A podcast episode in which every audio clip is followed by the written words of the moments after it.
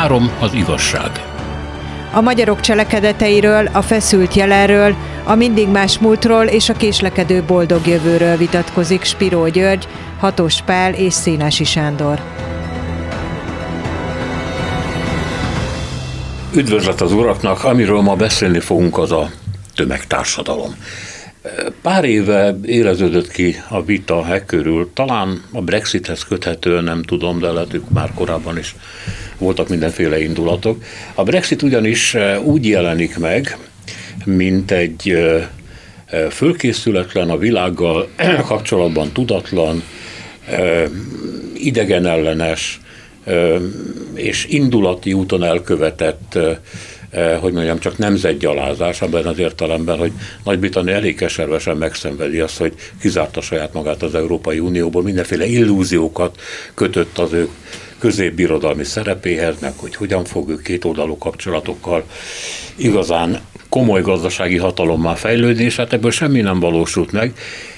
És ezt a kritikusok ennek a ennek a tömegnek, ennek a tanulatlan, fölkészületlen vidékies, befelé fordult, zárkozott tömegnek a rovására írták, és azt mondták, hogy lám a tömegtársadalmak ide vezetnek, hogy a nemzet sorsát, a haza sorsát olyan emberek kezébe tesszük le, akik nem is tudják, hogy tulajdonképpen miről döntenek.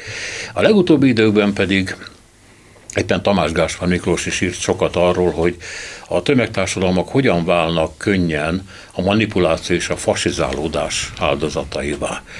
Ez két olyan dolog, ami a legutóbbi évekből megemlíthető. Döntsétek el, hogy melyikre reagáltok, és hogy egyetértek-e bármelyik megfogalmazással is. Hát az biztos, hogy amikor a Brexit népszavazás eredménye kiderült, nekem ami elsőként e- eszembe jutott, sok újongó hang hallatán, akik ugye azt mondták, hogy, hogy ugye itt a demokrácia, a többség akarata érvényesült, hogy valami nagyon régi és valami nagyon mítikus bizonyosan elveszett. Ez pedig az angol parlamentarizmus hagyománya.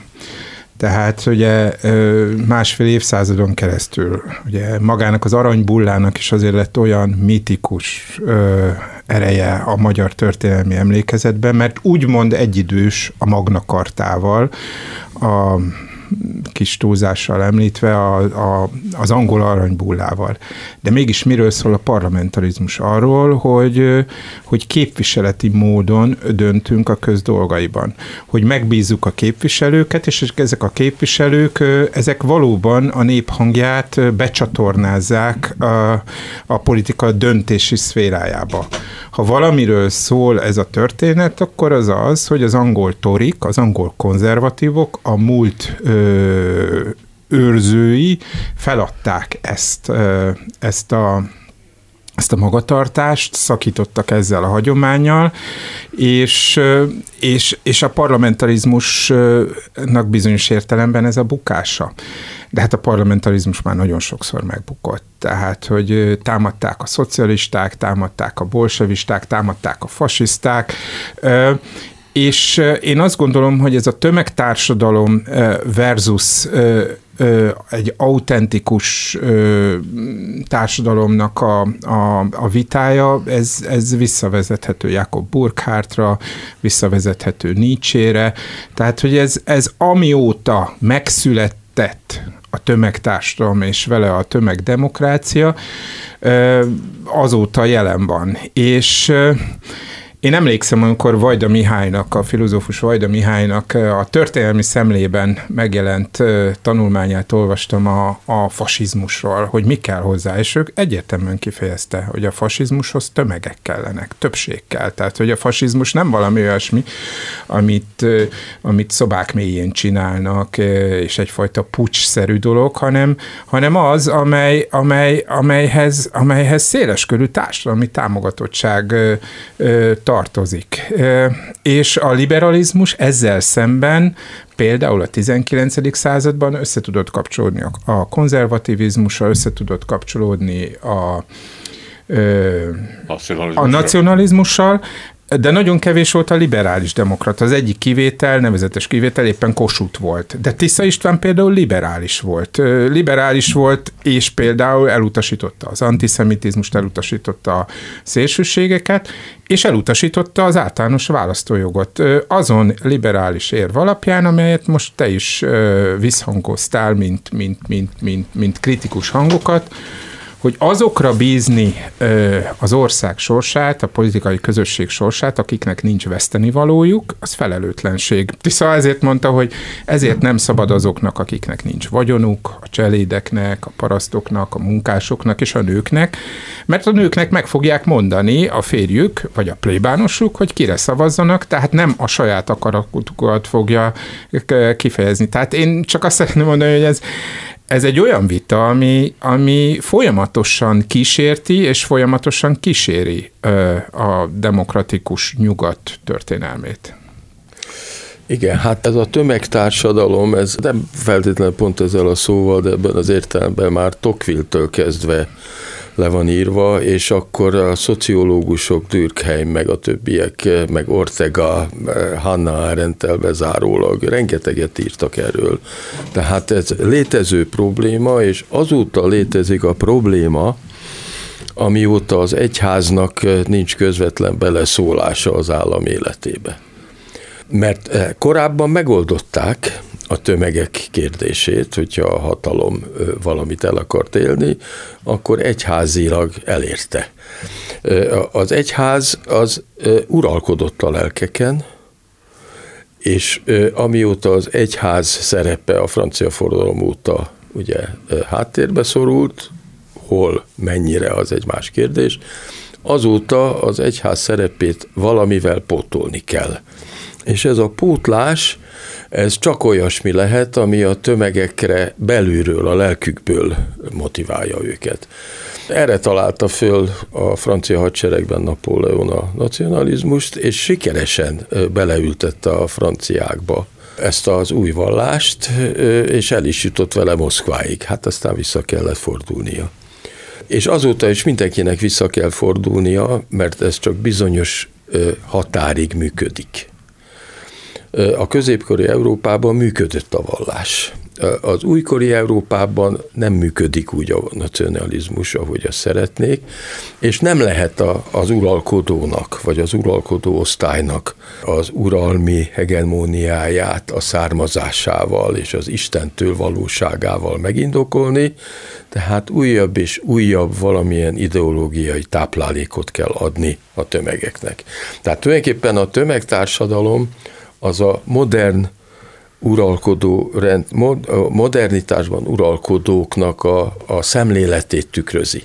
Hogyha a tömeget egyénekre bontjuk, osztályokra bontjuk, egyénekre bontjuk, és megnézzük külön-külön, hogy ki milyen és mit csinál, ez nem szociológiai és nem történelmi kérdés, ez irodalmi kérdés. És én az egyénekkel foglalkozom, az a szakmám, és a politológusok, meg a történészek, meg az ideológusok foglalkoznak azzal, hogy a tömeget miként kell, vagy lehet befolyásolni. Tehát a tömeg maga, mint fogalom, a szemléleti kérdés. Hát az ókorban is voltak tömegek, hát Rómában, amelyik egymilliós város volt, a nagy része proletárokból állt, akik nem csináltak semmit, akik a létezésükért megkapták az ingyen gabonát, meg az ingyen húst, és ott voltak, mint háttere a császárságnak. És bármikor föl lehetett őket lázítani bármilyen céllal. Ők kapták meg egyébként a cirkuszi játékokat is? Nem, Gör- Görögországba kapták meg, ott fizették a nézőket, hogy menjenek el, mert az vallási ünnep volt Aha. tulajdonképpen. Összemosódik-e, vagy összetartozik egyáltalán a tömegtársadalom és a fogyasztói társadalom? Vagy is, ha nem, akkor a fogyasztói társadalom reakciója arra, ami a második világháború előtt történt éppen a, a, a tömeg a tömegek fasizálódására adott reakció volt ez, a, mondjuk így az uralkodó rétegek szempontjából. Szóval tudom, kicsit zavarosan fogalmazok, de ez a két fogalom, a, a tömegtársadalom meg a fogyasztói egy, állandóan együtt kavarok. Pali, erről nyilván többet tudsz mondani, de nem azonos a két fogalom. Az igazi tömegtársadalom, hát azt azért csak Hitler csinálta meg, meg Mussolini, és nem olyan viszonyok között csinálták meg, ahol a fogyasztás, mint érték egyáltalán szempont lehetett volna, mert nyomor volt. Szerintem is különbözik a két dolog. Bizonyos értelemben a fogyasztói társadalom, ami ugye egy 45 utáni, de inkább 55 utáni helyzetképe a nyugati világnak, az válasz a tömegtársadalom kudarcára. Arra, hogy valóban meg lehet szervezni a tömegeket, és ebből a tömegek megszervezéséből katasztrófa lesz, pusztítás lesz, mészárlás lesz, világháború lesz. A fogyasztói társadalom egyfajta pacifikálása a tömegtársadalomnak. Tudomásos... Tehát reakció, ugye? Bizonyos értelemben igen. Ha megnézzük, hogy a fogyasztói társadalom milyen ideológiai képlettel kapcsolódik össze Nyugat-Európában, akkor azt látjuk, Ugye a francia közgazdások úgy is mondták, hogy a dicsőséges 30 év, a glorious tront, Tronten, tehát hogy ez a, az, a, az, a, az a 30 év, amikor szinte minden évben emelkedik a GDP, emelkedik a háztartásoknak a felhasználható jövedelme, emelkedik a fogyasztás, szélesül a fogyasztás, az emberek hűtőszekrényt vesznek előbb, utána külföldre mennek nyaralni, mindenkinek lesz televíziója, mindenkinek lesz autó, először motorbicikléje, aztán autója, és ez, ez olyan vágyakat elégít ki, amelyek, amelyek nem álltak rendelkezésre egyetemlegesen mondjuk korábban. Ez zajlott egyébként mondjuk az elmúlt húsz évben Kínában és Indiában. Tehát az én gyerekkoromban, amikor Kínáról néztünk képeket a televízióban, hát ott láttuk a sok millió biciklit. Ö, ö, és nem, nem az autógyártást, hanem, hanem azt, és elképzeltük, hogy milyen lesz, amikor minden indiainak jut hűtőszekrény, meg légkondicionáló. Bizonyos értelemben ez megvalósult, és bizonyos értelemben ez óvatosabbá teszi a tömegtársadalmak irányítóit, hogy indítsanak-e háborút, ö, ö, engedelmeskedjenek, mert nem feltétlenül ö, érzik maguk mögött azt a legitimitást, hogy, ö, hogy háborút lehet indítani. Az bizonyos, hogy, hogy a hitleri tömegmozgalom támogatottságában ott volt az a nagyon is kézzelfogható dac, hogy Németországot kifosztották, hogy Németországot olyan hatalmas jóvátételre kötelezték az első világháború után, amelyet nem érdemelt meg, és amely elszegényít minden német családot. Hitler ezt a bosszúvágyat, ezt a méltatlankodást nagyon ügyesen és ördögien ragadta meg, egyből megjelölte, hogy kik a felelősek, ugye a zsidók, a zsidó fajta, amely ugye Németországot belülről rágta, és amely ugye kívülről, mint bábokként mozgatta ugye az Antant hatalmait. De bizonyos, hogy kellett az a fajta hiány, amely a fogyasztói társadalomban nem áll fenn. Tehát a fogyasztói társadalom én legalábbis így gondolom, a, fogalmazható a, a tömegtársadalomra adott válaszként. Az más kérdés, hogy a tömegtársadalom manipulációja, illetve az, hogy a tömegtársadalom újra képes lesz azokat a szörnyűségeket produkálni, a kirekesztésnek a fizikai erőszakba torkoló ö, ö, végkifejletét, ö, amelyet azt gondoltuk, vagy gondolták sokan, hogy, hogy véget ért mondjuk a történelm végének ugye vulgarizált Fukuyamai mítoszában, hogy, hogy a szabadság és a jólét társadalmában ezek fel nem merülhetnek, hát újra látjuk, hogy de, felül, felmerülhetnek, hogy a tömegek, vagy akár az állampolgárok nem bíznak a képviselőikben, és bármit megragadnak, és nagyon könnyen manipulálhatók. Tehát a, amit említettél a, a Brexit-tel kapcsolatban, hogy senkinek nem tűnt fel, hogy a konzervatívok sútba hajították a konzervatív múltat. A, a legigazibb angol hagyományt, és szándékosan beszélek ugye most angolról és nem britről, hiszen a Brexit eredmények elemzésénél látjuk, hogy sem Walesben, sem Észak-Írországban, sem Skóciában ö, ö, nem győzött a, a Brexitet akarók, ö, hanem, hanem ez a széles angol középosztálynak volt az akarata, tehát nem a londoni bankároknak, nem a legszegényebbeknek, hanem annak a nagyon széles ö, angol középosztálynak, amely, amely, a, amely dacban élt valami olyasfajta dologba, hogy őket is kifosztják. Kifosztják a, a lengyel vízvezetékszerelők, a magyar szexmunkások, az ilyen-olyan kelet-európai bevándorlók, tehát, hogy megint képzetek győztek a valóság és a, a, a, a tények felett. Az más kérdés, hogy, hogy milyen szembesülés jön ebből, de ha pessimisztikusan nézzük a dolgot, már pedig én elég pessimistán nézem, és egyáltalán nem gondolom, hogy, hogy igazam van, akkor azt látjuk, hogy a tömegtársadalom a fogyasztói társadalom győzelmei ellenére is újjászületőbe van minden démoni dilemmájával együtt. Mussolini esetében, mert ugye ők a világháborút nem szenvedték meg olyan módon, mint a németek, ott is az ínség döntött igazából a Marciasu Rómában? Tehát azért volt sikeres Mussolini? Hát nem nagyon álltak azért jól az olaszok a háború után, és azt sem lehet elfelejteni, hogy Olaszország az kb. 50 évvel korábban egységesült, vagyis nem egységesült. Tulajdonképpen a mai napig Észak-Olaszországot és, és Szicíliát nem egészen lehet azonos társadalomként jellemezni, noha hát olaszok meg egy országban élnek. Tehát itt nagyon erősen számítanak az előzmények, és az, ami a fejekben van, és az, ami a társadalmi struktúrában van. Én meg vagyok róla győződve, noha nem ismerem annyira a nagy-britanniai viszonyokat, hogy azért a, a gyarmatbirodalomnak az elvesztése, ami a 20. században ugye elég súlyosan érintette Nagy-Britániát, vagy magát a Szigetországot, az azért hat előbb-utóbb, és a felszínen ugye multikulti hely lett Anglia, és hát London úgy néz ki, mint New York, vagy akármelyik ilyen nagy nyugati, sok nemzetiségű nagyváros, de azért éppen azok a rétegek, amelyekről a Pali beszélt, azok még mindig nem dolgozták föl igazán, hogy elvesztették Indiát.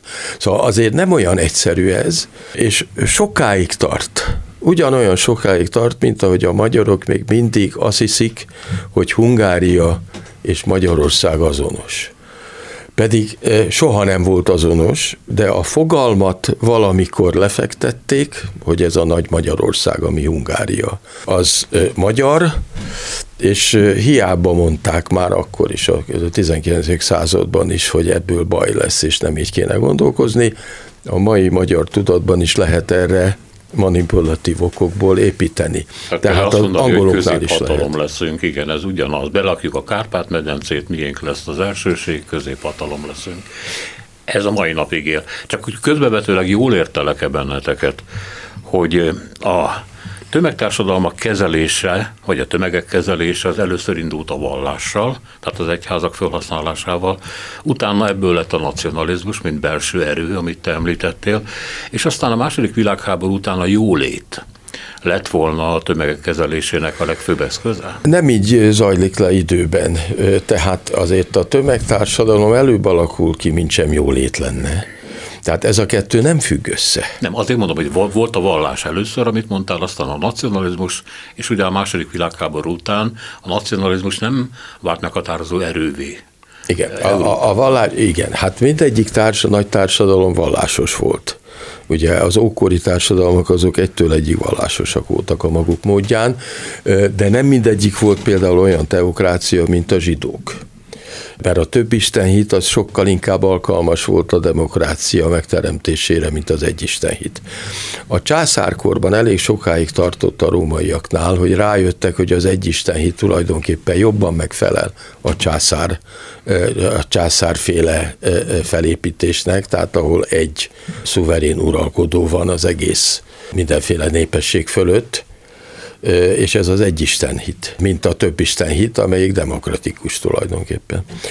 Ez a középkori vallásosságot, tehát a kereszténységet jellemzi, mert Ázsiában nem így volt. Hát a Ázsiában nem ez a... Igen, csak mondtad, hogy a vallás Igen, szerepének Európáról után... beszéltem, Igen. tehát a, a, kereszténységnek, és ezen belül különösképpen a katolicizmusnak megvolt az a szerepe, amelyik lement az egyes emberig, és ebből tulajdonképpen egyetlen kivétel volt a zsidók. De az összes többit azt úgy lehetett tekinteni, hogy vagy ilyen, vagy olyan reformáció után, de a keresztény hitnek megfelelően fog viselkedni, illetve megkövetelhető megkövetelhető. És ez működött a feudalizmusba egészen a nagy francia forradalomig. Na most azóta vannak helyettesítő eszközök, és a helyettesítő eszközök azok ilyen, olyan, amolyan többnyire nacionalista, de ideológiát követelnek meg, vagy pedig internacionalistát. Hát ezzel szemben jött létre ugye az internacionalizmus. Na most ezeket a megfelelő hordozókon keresztül, és már nem a papokon keresztül, hanem a papi funkcióba került pártmunkásokon és sajtómunkásokon keresztül kell az egyes emberig eljutatni nem árt, hogyha kényszerítjük is az egyes embert, hogy tömegemberré váljon, és erre megvannak a, a kényszerítő eszközök. Hát végül is ott van a rendőrség, a katonaság, ott van az, hogy dolgozniuk kell, és meg lehet vonni a, a munkát. Tehát egyrészt van fenyítési eszköz, vannak közvetett kényszerítési gazdasági eszközök, és van az ideológia. És ezekkel elég sikeresen lehet az egyes e, individuumokat tömegemberré tenni. Innen folytatjuk pár perc múlva Hatos Pállal és Píró Györgyel. Három az igazság. Hatos Pállal Spiro Györgyel a tömeg társadalmakról beszélünk. E, azt gondoltam, hogy az első rész után biztos sok hallgatóban kialakult az, hogy e, ez a beszélgetés nem vesz egy ilyen demokrácia ellenes fordulatot, hiszen a 19. században a liberalizmus, a nacionalista liberalizmus az egy olyan e, demokratikus jogállamot akart és tudott is fölépíteni, amiben azért a Hát jobb országokban nálunk ugye elég sokára történt ez meg, a választójog kiszélesítésével, a női jogok egyenjogúsításával, stb. stb. Létrejött az a társadalom, amiben mindenki egyenlőnek érezhette magát, és hát a mondjuk anyagi szempontból nem is volt ez igaz, de a bírói pulputus előtt mindenképpen, és hát ez nem egy utolsó dolog. Viszont Ugye sokan meg ehhez kötik, tehát ezt egy problémának tartják, a liberalizmus egyik tévedésének tartják, hogy kialakította azt a tömegtársadalmat, ahol nem történik meg az, amit a liberálisok reméltek, hogy a jogok kiterjesztésével nő az emberek öntudata, az együttműködési készsége, a racionalizmusa, a belátása magyarán fölnőnek a saját intézményeikhez. Mert a tömegtársadalom nyomora arról szól, hogy nem nőnek föl sokan tömegek nem nőnek föl sokan a saját létező intézményeikhez. Szóval van ennek egy ilyen demokrácia ellenes éle az erről szóló diskurzusnak? Hát nagyon veszélyes lenne mondjuk a demokratikus jogokat csorbítani, amit egyszer megadtak, és amely mögött azért konszenzus állt, azt visszavenni, antidemokratikusan szavazójogot korlátozni, meg egyebeket csinálni, az, az ugyanolyan abszurditás, és ugyanolyan Ráadásul azt gondolom, hogy szintén tömegtársadalma szerű, tehát egyfajta fasisztoid, ö, ö, hogy is mondjam, mozgósítást követelne. Ö, itt csak arról van szó, hogy, hogy mindig is jelen volt ez a figyelmeztetés, hogy, hogy ez a fajta naív hit, amit a horizontális testvériség hozott, ugye ez Benedict Anderson ö, ö, definíciója a nacionalizmusról, amely ugye megváltoztatta a feudális középkori ö, hierarchikus társadalmi rendet, ami ugye vertikálisan szerveződött, és ahol, ahol adott volt, hogy a király az mindig király, és hogy a paraszt az igazából mindig paraszt, és hogy, hogy, és hogy közte van a nemesi arisztokrata rend, és tehát hogy a, a rendiség, amely, amely elrendezi az emberek helyzetét egy, egy egy történelmietlen, tehát nem mozduló társadalmi képletben, ezt szakította föl, ezt törte össze, ahogy ezt Spiro György elmondta, a francia forradalom, és ennek nyomán a napóleoni igézet. Igen, Napóleon meghódította a saját országok közvéleményét azzal, hogy, hogy, hogy a nacionalizmust kialakította. Valóban azt kínálta, hogy ő a perifériákról származó korzikai ugye minden mindenki, a, minden őrmester ugye a Marshall botot ott hordozza, tehát hogy mindenkiből lehet ö, majdnem olyan hadvezér, mint ő, ö, és ez, ez, ez hatalmas mozgósítás jelentett, de ehhez az is kellett, hogy el kellett vinni ezt a fajta igét, ezt a fajta nacionalista üdvöt ö, Moszkváig, ahonnan a 600 ezeres Grand Arméból 300 ezeren nem tértek vissza, és már itt jel, jelezte ez a fajta mozgósítás a nacionalizmusnak az eredendő gonoszságát is. Azt, hogy nem képes létezni külső ellenség képének megkonstruálása nélkül. Tehát ahhoz, hogy létrehozza ezt a fajta kohéziót, szükség van arra, hogy legyen egy ellenség. És itt tévedtek, a, a, hogy egy nagyot ugorjunk előre, a magyar liberálisok is, akik azt gondolták, hogy a magyar nyelv erre alapozott ö, magyar nacionalizmus elég vonzó lesz arra, hogy egyesítse a Hungárián belül élő, tehát a történelmi magyar királyság területén élő embereket, ha ez egyben ugye egyéni jogkiterjesztést jelent, megszüntetését a jobbátságnak, megszüntetését az ősiségnek, az arisztokrata privilégiumoknak, az egyházi ö, kiváltságoknak úgy szintén nem így történt. Ami történt 1848-ban, az egy hatalmas polgárháború lett. Igenis, sikeres volt a nacionalizmus programja, az 1844-ben államnyelvi szintre emelt ö, magyar nyelv ö, ö, viszont irítséget, féltékenységet és jogos, ö, hogy is mondjam, dacot váltott ki ö, az itt élő nemzetiségekben, akik nem nemzetiség, hanem ugyanúgy nemzet akartak lenni, és azóta és máig adott ez a fajta program, ahol, ahol ugye nemzetképek küzdenek egymással, ahol ugye Szlovákia területe a magyar nacionalisták többsége számára még mindig a magyar Kárpátokat jelenti, én is, amikor először jutottam el a tátába uh, sielni, csodálkoztam, hogy miért Stári Smokovec van kiírva, és miért nem hallom a magyar hangokat. Hát, Stári. Stári Smoko, igen, hát ugye azért, mert hogy az, az egy magyar fantázia volt, hogy abból útátra füredet csináltak, meg, meg egyebet, soha nem éltek ott magyarok. Uh, és és ehhez, ehhez, ehhez, ehhez az kellett, hogy, hogy, hogy, hogy megalkot, tehát hogy, hogy létrejött egyfajta demokratikus struktúrája a nacionalizmusnak, ehhez viszont előbb-utóbb, de inkább előbb, mint utóbb, vele szemben szimmetrikusan egy vele szemben álló nacionalizmus, vagy több ilyen nacionalizmus keletkezett.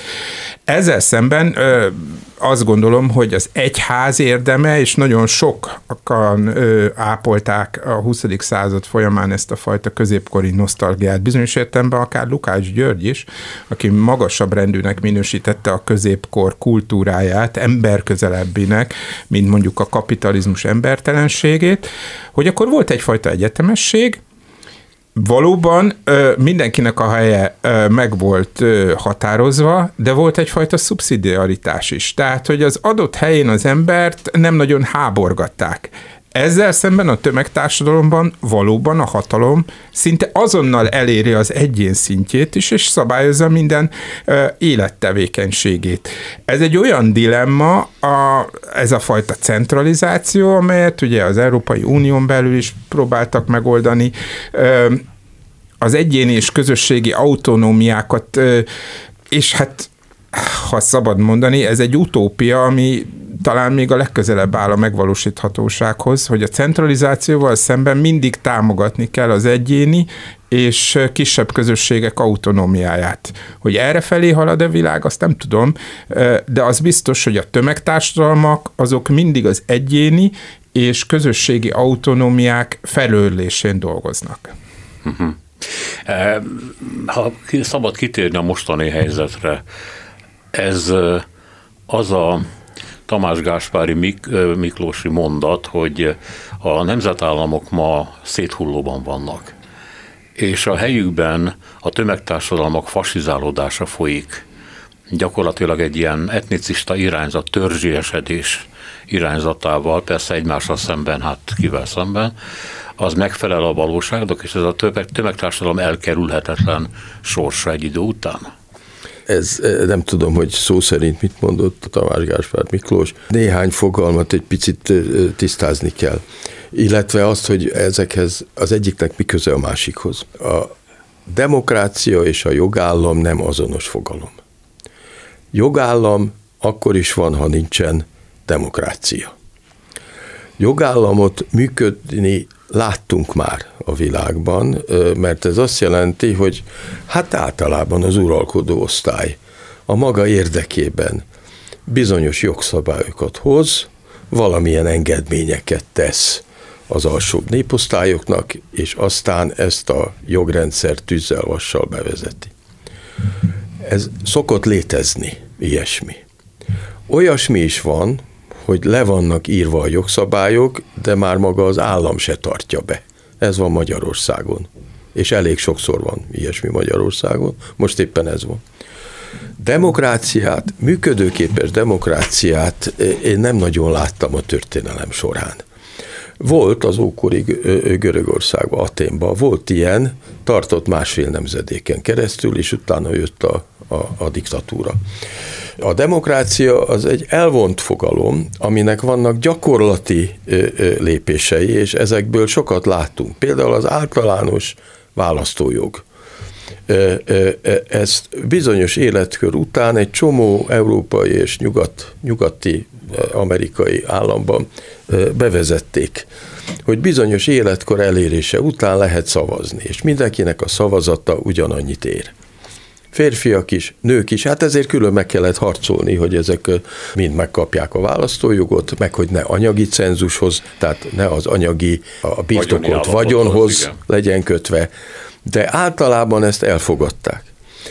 De ez nem jelenti azt, noha elvileg mindenkinek a szavazata ugyanannyit ér, hogy ez tényleg érvényese azokra, akik majd végrehajtják, amit ők akarnak.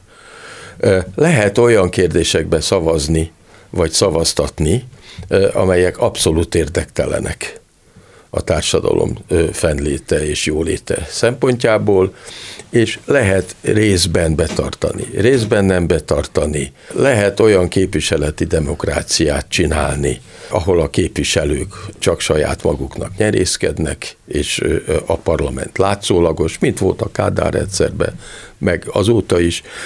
Úgyhogy a demokrácia az szerintem nem egészen értelmezhető fogalom. Ez nem azt jelenti, hogy én ne lennék abszolút a demokrácia híve, csak nem látom működni sehol.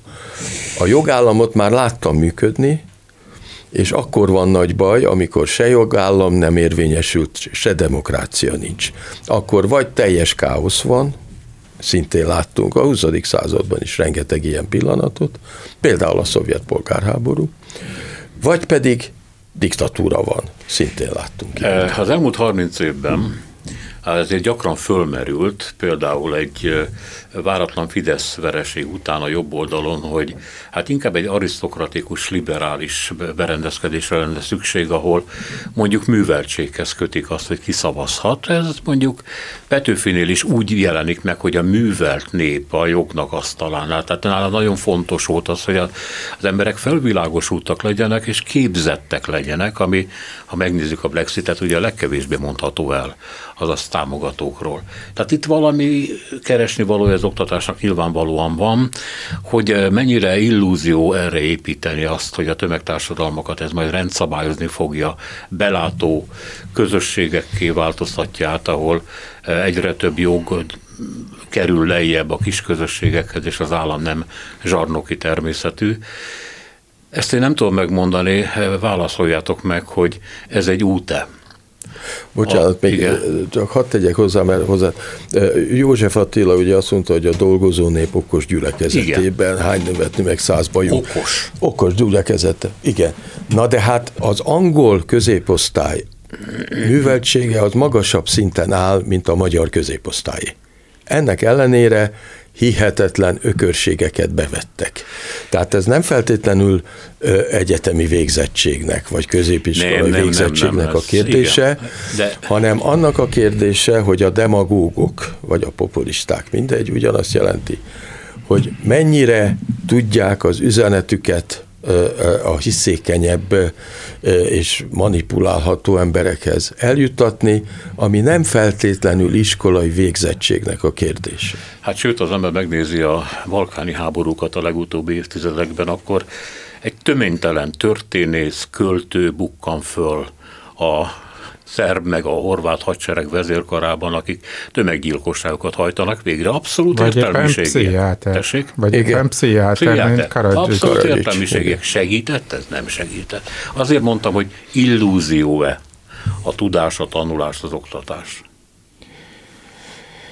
Ugye ismeretes Karintinak az a szép története, ugye a barabás, ahol ugye Jézus visszajön, hogy még egyszer Pilátus előtt lejátszák ezt a meccset arról, hogy most az elítélt köztörvényes gyilkost, vagy őt, akit ugye homályosan vádolnak mindenfajta istenkáromlással, és mindenkit meggyőz de amikor az egyének tömegszerűen kerülnek e- együvé, akkor, akkor, akkor az ajkuk valahogy félelmetesen barabást kívánja Jézus helyett kiszabadítani továbbra is, ami amiben Karinti valószínűleg azt fogalmazza meg, ami a legnagyobb rejtély, hogy hogy van az, hogy, hogy az egyén a szíve mélyén sok mindenben biztos, és akár meg is tudja ítélni, mi az, hogy jó és rossz egy adott szituációban, viszont egy, viszont egy kiélezett helyzetben, ahol nézik mások, hogy mi az ő, ő helyzete, valahogy alkalmazkodik, és alkalmazkodik ahhoz, a, ami ami, ami, a, ami a rosszhoz vezet. Volt egy francia irodalomtörténész, Amerikában tanított, René Girardnak hívták, aki a mimetikus vágyban találta meg a magyarázatot, hogy előbb-utóbb mindenki, hogyha nem követi a Jézusi parancsokat, tehát az abszolút erőszak ellenességet, akkor, akkor követője lesz a másiknak, és a, és a rossznak, a hiúságnak, tehát hogy azt csináljuk, ami, amit, amit, és arra vágyunk, amire mások vágynak, és nem tudjuk a dolgoknak az adott eredendő saját magában való értékét meghatározni. Ezzel szemben ott van ugye mondjuk Kantnak a híres klasszikus meghatározása, a felvilágosodásról, hogy az, az emberiség kiemelkedése a saját maga okozta kiskorúságból. Én azt gondolom, hogy egyszerre igaz mind a kettő. Tehát, hogy, hogy az eredendő bűn pessimisztikus, szentágostoni hagyománya, mert arról szól, hogy az ember ugye ítélő képessége elhomályosult, kézzelfogható tapasztalat meg annyi alkalommal, és akár a pszichiáterek esetében is, akik ugye tömeggyilkosokká lesznek, mert eközben ugye saját népük üdvét gondolják képviselni, de ugyanúgy ott lehet a dolgozó nép okos gyülekezetének ösztöne, hogyha működik a felvilágosodás, hogyha az érdekeiknek tesznek eleget. A racionalitás és irracionalitás kérdéskörét még nem hoztuk be, de de valóban sokszor van az, hogy, hogy saját érdekeinkkel szemben döntünk, és saját érdekeinkkel szemben tartunk ki egy rosszban. Amikor, amikor ugye hát körülbelül 43-44-től a háború elvesztése a németek részére adott volt. Mégis szinte az utolsó pillanatig nemzeti egység feszült Hitler mögött, hogy kitartani, és elhittek minden mesét a csodafegyverről, arról, hogy kibékülnek az amerikaiakkal, és az oroszok ellen fordulnak, és Ugyanez volt a magyar közvélemény egy jelentős részének állapota, ami, ami egy borzalmas megelégedettséggel fordult a, a kisajátított zsidó vagyon, a rabolt zsidó vagyon felé 44 nyarán, miközben már Normandiában partra szálltak, miközben már ö, Olaszország elveszett, ö, Magyarország ugye német megszállás alatt volt, érdekeik ellen döntöttek, és akkor még ugye a nyilas rémuralom részegnapjairól, vértől részegnapjairól nem is beszéltünk. Tehát, hogy itt, itt ez is benne van, hogy, hogy az emberi közösség milyen feltételek között, vagy milyen körülmények között tud racionálisan viselkedni, és ezt annál is inkább fel kell tenni, mert művészet és nagyon sok filozófia is mondja, hogy hogy a racionalistás egyfajta filiszterséget hoz létre, egyfajta nyárspolgári laposságot, elégedetlenséget, tehát hogy a veszélyi filozófiája szintén cselekvésre sarkal sokakat, és elkötelezés elköteleződést olyan ügyek mellett, amelyek, amelyekről szíve mélyén tudja, hogy irracionálisak, és, és, és gonoszok, és ezek is lehetnek profitaiak. Tehát szerintem nincs ennek egyértelmű filozófiai irányú megoldás. A műveltség segíthet is, de nem feltétlenül garanciája vagy gátja az irracionális indulatok elszabadulásának. Szerintetek ma milyen időket élünk a tömegtársadalmak fasizálódása vagy fasizálhatósága szempontjából? Mert nagyon sokan mondják, hogy nem is mindig fasizmusnak, inkább etnicizmusnak szokták mint mondani, ami nem egészen ugyanaz valóban, hogy megint van a tömegek lázadásában valami, ami érezhető, kézzel fogható, és ebben rendkívül sok szokás szerint a destruktív, pusztító elem, amelyik nem épít, csak rombolni tud, és mi ezek szerint a rombolás világában élünk most. Hát ezt nem tudom, de, engem annak idején, a 80-as évek elején nagyon meglepett, amikor először jártam Amerikába, hogy milyen mérhetetlenül konformista az a társadalom amelyik közben demokratikusnak, fejlett demokráciának és fejlett ipari társadalomnak van mondva. Járva a vidéket, amelyik hát Amerika 99%-a azért, teljesen egyforma házak, meg ugyanúgy öltöznek az emberek, és nem azért, mert rájuk volt parancsolva, hanem, mint ahogy Kelet-Európában ez szokott lenni, hogy ráparancsolnak, és akkor úgy kell járni, hanem maguktól. És e, a piac erre épít, ugye, és a politika, mint piaci jelenség, az ettől a kapitalizmustól elválaszthatatlan. Na most közben az is megfontolandó, hogy ugye amikor Hitler a sörpucs után békén és rendkívül kedvező körülmények között egy luxus szállodában szinte tölti a börtönbüntetését néhány hónapig, akkor szépen megírja a Mein Kampf című röpiratát, amelyikben összefoglalja, amit akkor már tudtak, és amit ő még előre is látott elég világosan, hogy hogyan kell manipulálni a társadalmat. Neki már megvolt a Mussolini féle tapasztalat, Mussolininek már megvolt a bolsevik tapasztalat, és hát az elég közel volt hozzá, mert ő is tulajdonképpen szocialistaként kezdte, szociáldemokrataként kezdte, és e, erre építette föl a Mein Kampfot Hitler, amit azóta is a különböző politológus szakértők a kormányoknak fejlesztett módon javalnak. És ezeket a javallatokat a kormányok meg szokták hallgatni. Tehát nem arról van szó, hogy a Mein Kampf az érvényes minden ízében, de azok a módszerek, amelyek ott le vannak rögzítve, most mindegy, hogy a zsidók vagy kik ellen, az, az, az nem feltétlenül kötelező, de az összes többi működik, működőképes. Ez azt jelenti, hogy a modernitással vele jár. Na most ezzel én nem dicsőítem ellenkezőleg, mint azon a fasiszta jellemvonásokat, amelyek világszerte mindenféle uralmi szisztémákban nyomon követhetők, hanem hogy ezzel kell szembenézni. Hogy ez a valóság. Ezek ellen, a módszerek ellen kellene valami olyasmit kitalálni, ami az emberek számára emészthető, amit könnyen fel tudnak fogni, és meg tudják magukat védeni. Mi az, amit még nem találtak ki?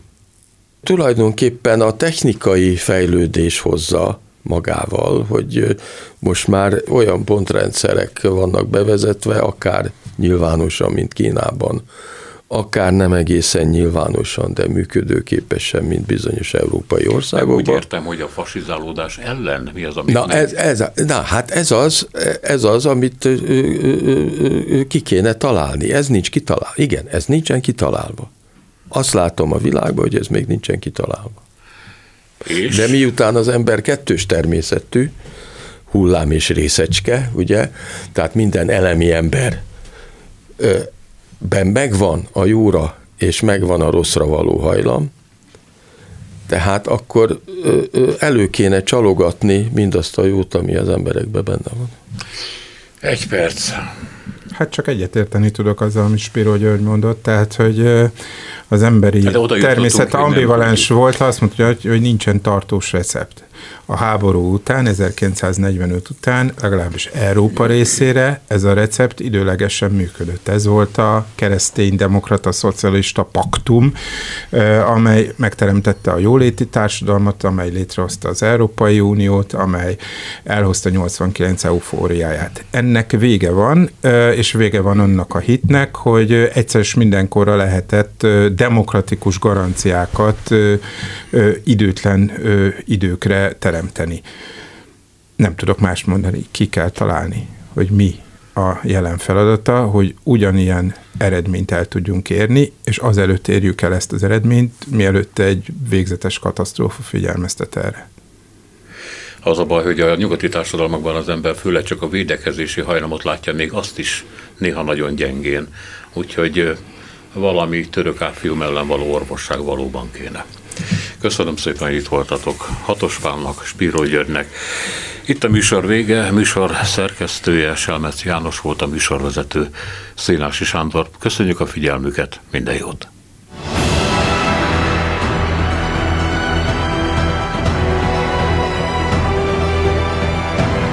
Három az igazság. Szénási Sándor műsorát hallották.